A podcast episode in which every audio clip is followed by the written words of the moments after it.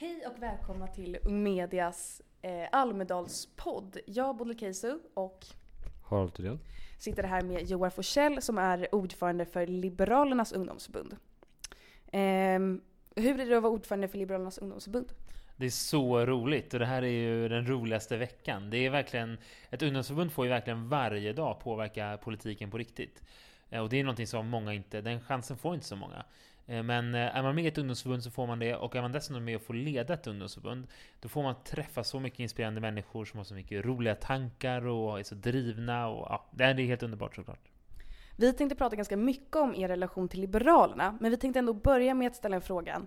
Eh, vad innebär frihet för er? Därför att på er hemsida står det att ni står för frihet, feminism och antirasism. Och det är ett stort ord som eh, kan innebära ganska mycket saker för olika personer. Så vad är frihet för Liberalerna? Och det där är en så bra fråga. Det är verkligen så. Jag tror att när Kristdemokraternas ungdomsförbund samlas och har en stor kongress, då kallar de det för Frihetsdagarna. Och SSU har tidningen Frihet på nätet. Och för mig så, jag skulle verkligen säga att vi är de enda som står för frihet på riktigt, brukar jag säga. Och det handlar just om att vi både är feminister och antirasister och ser att strukturer påverkar vilka val och människor har i sina liv och vilken, vilken frihet man har att utforma sitt eget, sitt eget liv helt enkelt. Men det är också så att eh, att eh, höga skatter och tuffa regleringar gör att man inte får leva sitt liv som man själv vill. Och jag, jag tänker att frihet måste vara, det måste vara makten att bestämma över sig själv. Och ska man ha den makten, då behöver man både liksom en skola som ser till att folk får schyssta chanser oavsett vilken bakgrund man har.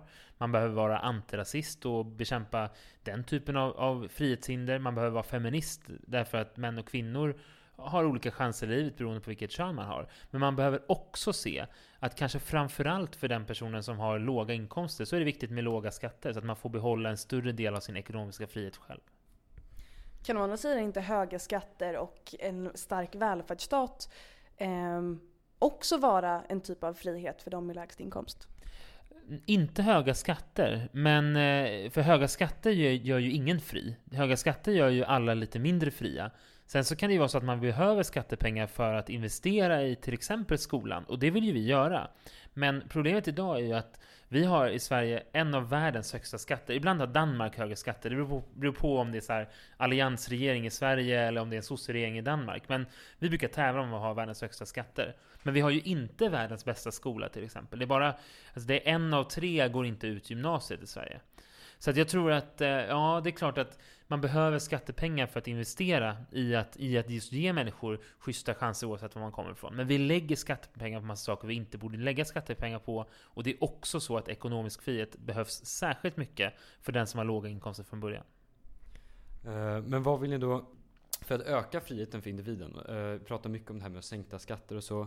Vad vill ni praktiskt göra för att en nyhet var att ni ville göra någonting åt barnbidraget för att det gick till vad som sades var mycket medelklassfamiljer med goda inkomster. Vad vill ni mer praktiskt liksom åstadkomma för åtgärder? Ja, men, eh, precis, vi släppte en rapport för ungefär ett år sedan som heter 100 miljarder. Eh, som min andre vice ordförande Max Sjöberg har skrivit. Eh, och den tar just upp hur vi kan få 100 miljarder i budgetutrymme. Som man kan antingen sänka skatten för eller göra andra reformer för. Och en sån sak som vi vänder oss emot i hur välfärdsstaten ser ut idag. Det är just att den går till människor som inte behöver det. Alltså jag har ingenting emot att man ger barnbidrag till för att alla barn ska ha råd med en ny vinterjacka. Eller alla barn ska ha råd med, med regnkläder eller vad det kan vara för någonting.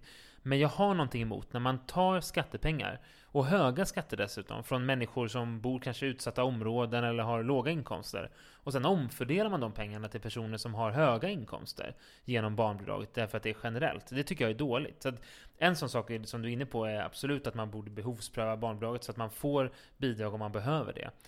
Det där kan man göra på egentligen alla politiska områden. Jag tycker att man, eh, man ska göra det med de bidragen som finns.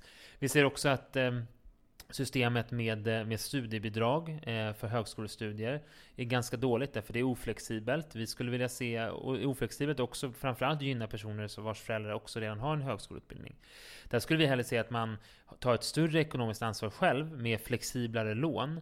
Eh, alltså att man helt enkelt kan få låna lite mer eller låna, låna lite mindre än vad man gör idag. Men att man inte har samma bidrag i botten.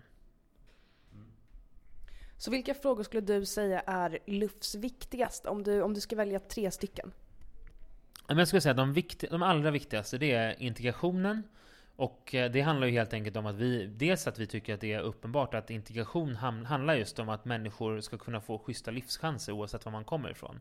Man måste kunna förverkliga sig själv och bli vad man vill, även om ens föräldrar inte har sociala kontakter, ens föräldrar inte har, har ett jobb kanske. Och integrationsutmaningarna som vi har i Sverige handlar ju väldigt mycket just om det, att i utsatta områden där det är hög arbetslöshet, många har inte en högskoleutbildning som, som är giltig i Sverige i alla fall, och dessutom så är det många som saknar sociala kontakter. Så att, att eh, och det kopplar också till den andra viktigaste frågan, skulle jag säga, som är skolan.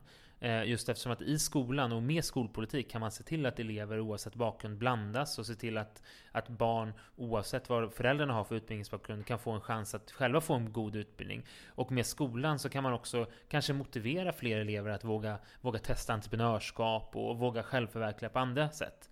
Och den tredje, tredje viktigaste skolan Eh, tredje viktigaste sakfrågan, eh, och det kanske är symptomatiskt att jag säger tredje viktigaste skolan, eh, det är faktiskt eh, den psykiska ohälsan i skolan. Eh, för det är ju en, ett annat hinder, förutom att föräldrars, eh, föräldrars utbildningsbakgrund och föräldrars bakgrund avgör hur, hur väl man klarar sig i skolan, så är den psykiska ohälsan ett, ett stort bekymmer.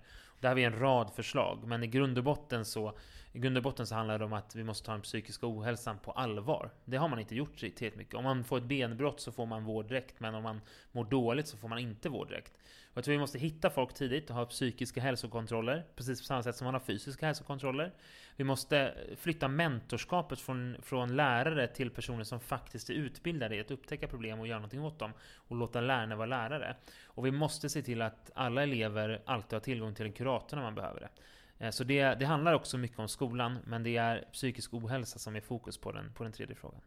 Så satsningar på välfärd och sänkt skatt för låginkomsttagare. Hur, vad vill ni ha för skattesystem för att finansiera detta? Det är inte så konstigt. Jag skulle vilja se ett eh, plattare skattesystem. Ett system där det var färre avdrag och där skatten var mer lika för alla. Eh, jag vill framförallt se till att stoppa slöseri med skattepengar. För det är inte bara, det är inte bara såklart att sänka skatten och satsa mer på skolan. Det handlar ju också om att se till att satsa mindre på saker som staten inte ska ägna sig åt. Jag vill lägga ner Arbetsförmedlingen. Jag tycker att de gör ett dåligt jobb.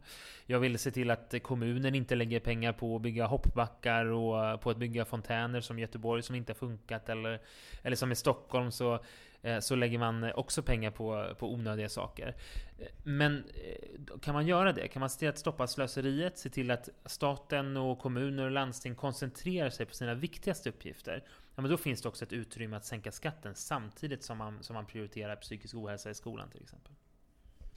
Och ni i ungdomsförbundet ämnar ju påverka moderpartiet. I vilka frågor skulle du säga att ni skiljer er mot Liberalerna? Ja, vi, eh, vi har ju i grund och botten samma liksom, samhällssyn och samma syn på vart vi vill ta det, här, ta det här landet. Men det är klart att vi ligger ganska ofta före. Vi brukar säga att vi, nästan, vi ligger så 20 år före Liberalerna. Om 20 år kommer Liberalerna tycka som vi tycker idag. Och i vissa saker så ligger vi eh, längre fram, tycker ungefär likadant som Liberalerna, men ligger längre fram. När det gäller betyg så vill vi ha betyg från årskurs 1. Liberalerna vill ha betyg lite senare, men lite tidigare än vad det är idag. Eh, men när det gäller andra saker, så idag så skriver jag till exempel en artikel om, om försvaret. Jag tycker att eh, försvaret är en viktig fråga. Det delar Liberalerna. Jag tycker vi ska lägga mer pengar på försvaret. Det delar Liberalerna. Men jag tycker också att vi ska ha mindre politisk styrning av försvaret. Det delar inte Liberalerna på samma sätt. Men jag tänker att ett ungdomsförbund måste ha en sån roll att driva på sitt, eh, driva på sitt moderparti i rätt riktning. Och vi tar ganska ofta tuffa fighter med vårt parti. Jag hade önskat att fler ungdomsförbund gjorde det lite mer också eh, än vad de kanske gör idag. Mm, ett problem som många ungdomsförbund eh, möter är ju eh, Alltså att ungdomar idag vill engagera sig men inte söker sig till partier eller speciella förbund. Hur tänker ni att man ska få fler ungdomar att vilja engagera sig inom partipolitiken och därmed också ungdomsförbunden? Men jag tänker att det där beror på att man, man eh, det är precis som du säger, det finns ett större samhällsengagemang. Unga röstar i högre grad nu än man gjorde när, när våra, våra föräldrar var, var unga. Eh, så det, där, det finns i grund och botten en, en positiv riktning i, i, utvecklingen här. Men jag tänker att om man engagerar sig i en sakfråga och vill skapa förändring i den på riktigt, då tror jag nästan att det är smartast att göra det genom ett ungdomsförbund. Det tror jag vi behöver kommunicera bättre. Jag har massa bra exempel på när vi har fått igenom vår politik. Vi fick, det var Liberala ungdomsförbundet var ett av de första som började driva samtyckeslagstiftning. Det är nu verklighet. Man, det finns folk som engagerat sig i det bara som sakfråga. Men vi har gjort det inom den parlamentariska politiken. Och någonstans så är det ändå riksdagen som fattar beslut till slut. Eller kommunfullmäktige, eller landstingsfullmäktige. Och gör man det genom politiken, tar sitt engagemang dit, ja, men då får man också faktiskt större påverkan på riktigt.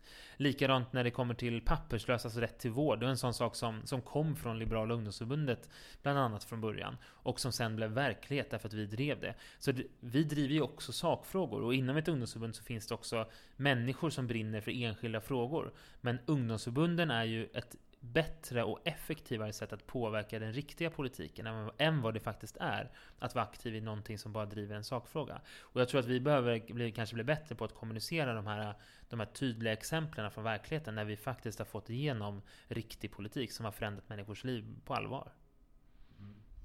Um, alltså om man ser sen då till omvärlden, framförallt i, ja, i USA så har vi en ny president, eller de har en ny president och i Europa så är det många populistiska partier som går emot um, den liberala lagstiftningen som har genom efter andra världskriget eh, liksom stiftats i Europa.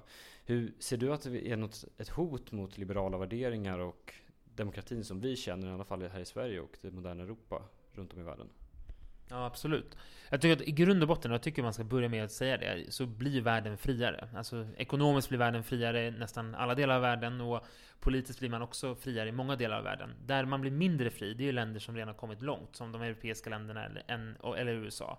Och jag tror att man ska ta det där på allvar. Det är, det är ett hot mot demokratin. Vi ser det här i Almedalen i år, så är NMR med, Nordiska motståndsrörelsen, som ju är ett direkt antidemokrat, en direkt antidemokratisk organisation. Men vi har också Sverigedemokraterna som växer sig starkare i, Sverige. Och det är ju ett parti som, som i grunden har en nazistisk historia. När Jimmy Åkesson gick med så hade man nazistuniformer på sig på mötena. Men det är ett parti som idag har rasister i riksdagen. Och det är ett parti som idag hyllar utvecklingen i Ungern. Och det är ett parti som idag har nära relationer med, med regimen i Ryssland. Så jag tror att det vi ser runt om i Europa skulle man också kunna, kunna se i, här i Sverige om inte vi politiker tar ett politiskt ledarskap och visar på en annan väg och visar på den positiva utvecklingen men visar vart, vart någonstans vi vill. En stor del till att, till att Socialdemokraterna, eller till att Sverigedemokraterna har vuxit sig starka det var ju att Socialdemokraterna gick ut och sa att någonting har gått sönder i Sverige. Det trummade man in i flera års tid, när Alliansen styrde. Och sen, men sen så levererade man inget svar på hur, vad man skulle göra åt det. Och istället kom Sverigedemokraterna och levererade ett enkelt och populistiskt svar som jag tycker är fel. Men man levererade ett svar. Och det har de, de andra partierna i Sveriges riksdag varit dåliga på att göra. Att man, kan, man är duktig på att peka ut problem, men man är dålig på att leverera svar och leverera en vision. Och det tror jag vi måste bli bättre på. Sen när det gäller Europa så, så behöver den Europeiska Unionen få större muskler och kunna sätta dit, eh, sätta dit länder som har dålig, en dålig utveckling. För det är klart att i grund och botten så vill ju vi se till att alla länder har en, en utveckling som är mer liberal. Men eh, hur ställer ni då till, tycker ni man ska förbjuda organisationer som NMR till exempel, som driver tydligt antidemokratiska värderingar och åsikter? Jag tycker egentligen att, att man inte ska förbjuda organisationer överhuvudtaget. Det finns, ett, eh, det finns ju ett problem i att demokratin eh, utgörs ju av både vår rätt att rösta men också vår rätt att yttra oss och vår rätt att, vår rätt att organisera oss. Det är någonstans grundfundament i demokratin. När det kommer till just NMR, då tror jag att eh, den här terrorforskaren eh, Ranstorp, som är ganska känd, har, han har sagt att man borde kanske pröva NMR för terrorbrott. Det var ju tre personer ur NMR som, som blev fällda för ett bombdåd för, för något år sedan. Man kanske borde prövat dem för terrorbrott och fått dem, och på sikt genom en europeisk process fått dem stämplade som en terrororganisation. Men, eh, och de juridiska systemen finns att man skulle kunna göra det. Men nu valde åklagaren i det fallet att inte, inte, inte pröva dem för det. Jag tycker det var synd att man inte valde att pröva dem för det. Men så länge man inte är en terrororganisation så, eh, så tycker jag inte att man ska förbjuda enskilda organisationer. Jag tänkte att vi kanske måste avrunda lite nu för du behöver springa vidare. Vad står härnäst på schemat? Härnäst så, eh, så ska vi, eh, jag tror vi ska träffa någon annan media nu precis och, och svara på fler frågor. Det är ju Liberalernas dag idag så det är många som vill höra vad vi tycker om Liberalerna. Vad är förväntningar inför Jan Björklunds tal ikväll? Men jag hoppas på att det blir fokus på integrationen och skolan och på det här europeiska. Det är ju någonting där vi särskiljer oss ur, ur alliansen. Vi har en mer utvecklad skolpolitik. Vi har kanske en lite mjukare profil på integrationspolitiken där vi mer betonar den här sociala rörligheten. Och när det gäller synen på Europa så har vi en, en mer utvecklad syn där vi vill ha mer Europa, mer EU än de andra, andra allianspartierna. Och det är också någonting som skiljer oss väldigt kraftigt och där det blir en tydlig skiljelinje mot Sverigedemokraterna. Som jag skulle säga är vår största ideologiska motståndare. Att vi är ett parti som står upp för att Sverige ska vara en öppen del av resten av världen. Och jag hoppas att det är en tydlig signal från talet ikväll. Det ska bli spännande att se. Tack så jättemycket för att du ville vara med. Tusen tack.